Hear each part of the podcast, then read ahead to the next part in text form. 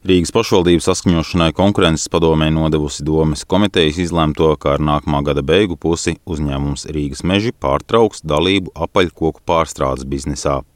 Pirms pieciem gadiem valsts kontrolas revidenta atklāja, ka Rīgas meža kokzāģētava negatīvi ietekmē konkurences kokrūpniecības tirgū, jo ir iespēja iegūt izējumateriālus trīsreiz lētāk nekā tie ir pieejami vairumam privātu uzņēmēju. Ja šādu priekšrocību nebūtu, tad kokzāģētava strādātu ar zaudējumiem. Revidenti arī izpētīja, ka Rīgas meži varētu nopelnīt vairāk nekā 4 miljonus eiro, ja mežos iegūtos apaļkokus vienkārši pārdotu bez apstrādes. Vēlāk izveidotās uzņēmuma padomes priekšsēdētājs Toms Auškāps tagad ir gatavs no zāģētavas atteikties.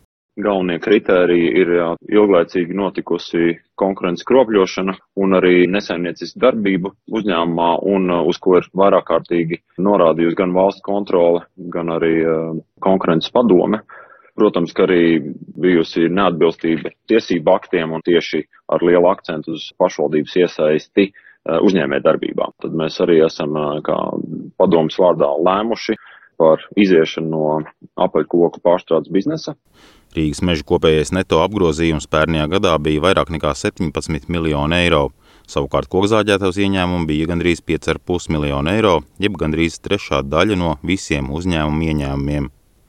Līdzinējo vilcināšanos ar atteikšanos no lietām, ar ko labi galā tiek privātais sektors, skaidro domas kapitāla sabiedrība pārvaldes priekšniece Ilze Spūle Statkus. Iepriekšējais līdzdalības pārvērtējums pašvaldības kapitāla sabiedrībām tika veikts 15. gada beigās, tad gan ir jāatcerās, ka no 16. gada stājās spēkā jauns šis normatīvais regulējums. Valsts pārvaldes iekārtas likumā, tāpēc arī šie jaunie līdzdalības izvērtējumi jau bija pilnīgi citādāk, ievērojot jaunos uh, kritērijus un uh, līdzdalības izvērtējumi sakrit ļoti labi ar to posmu, ka pašvaldībā vispār notika arī šī domas maiņa, kas ļāva iespēju pārdefinēt un no jauna izvērtēt tos vispārējos strateģiskos mērķus, kāpēc vispār pašvaldībai eh, līdzdalība kapitāla sabiedrībās ir jāsaglabā. Un pašvaldība iet ceļu, ka tās uzņēmumi paliek pašai, bet no daļas nozarēm atsakās. Rīgas meža gadījumā vispirms domāšot, kā no visām pārmaiņām vai, pareizāk sakot, negatīvām sekām pasargāt darbiniekus turpina valdes priekšsēdētāja Anita Skudra. Tas, kas ir pats svarīgākais, mēs sludinātu atklātu iepirkumu konkursu pakalpojumu sniedzēju, kas būtu kā konsultants, kas noteiktu mums šīs te nākamās visizdevīgāko saimniecisko veidu, kādā veidā strādāt tālāk. Tādējādi vēl nav zināms, vai kokzāģētavu pārdos vai iznomās tiesības strādāt privātiem komersantam. Rīgas doma pēdējos gados ir atteikusies no vairākiem uzņēmējdarbības veidiem, no kuriem iespējams zināmākais ir nerentablā pudeļu ūdens biznesa jeb Rīgas ūdens meitas uzņēmuma Aqua Rīga likvidācija.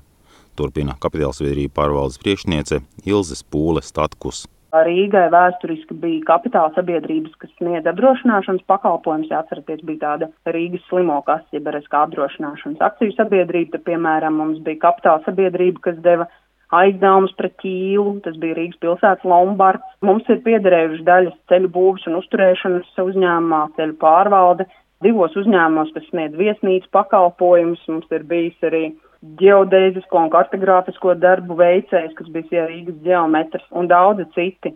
Bet vai un ar ko Rīga turpinās?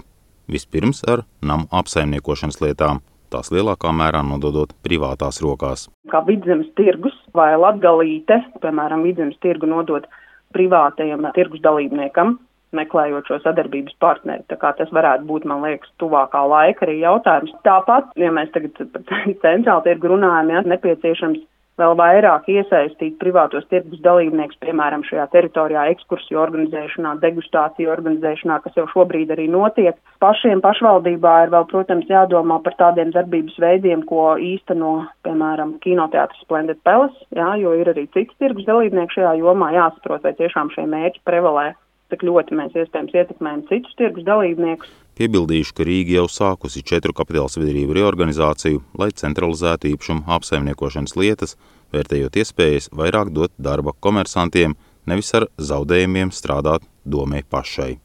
Edgars Kupčs, Latvijas radio.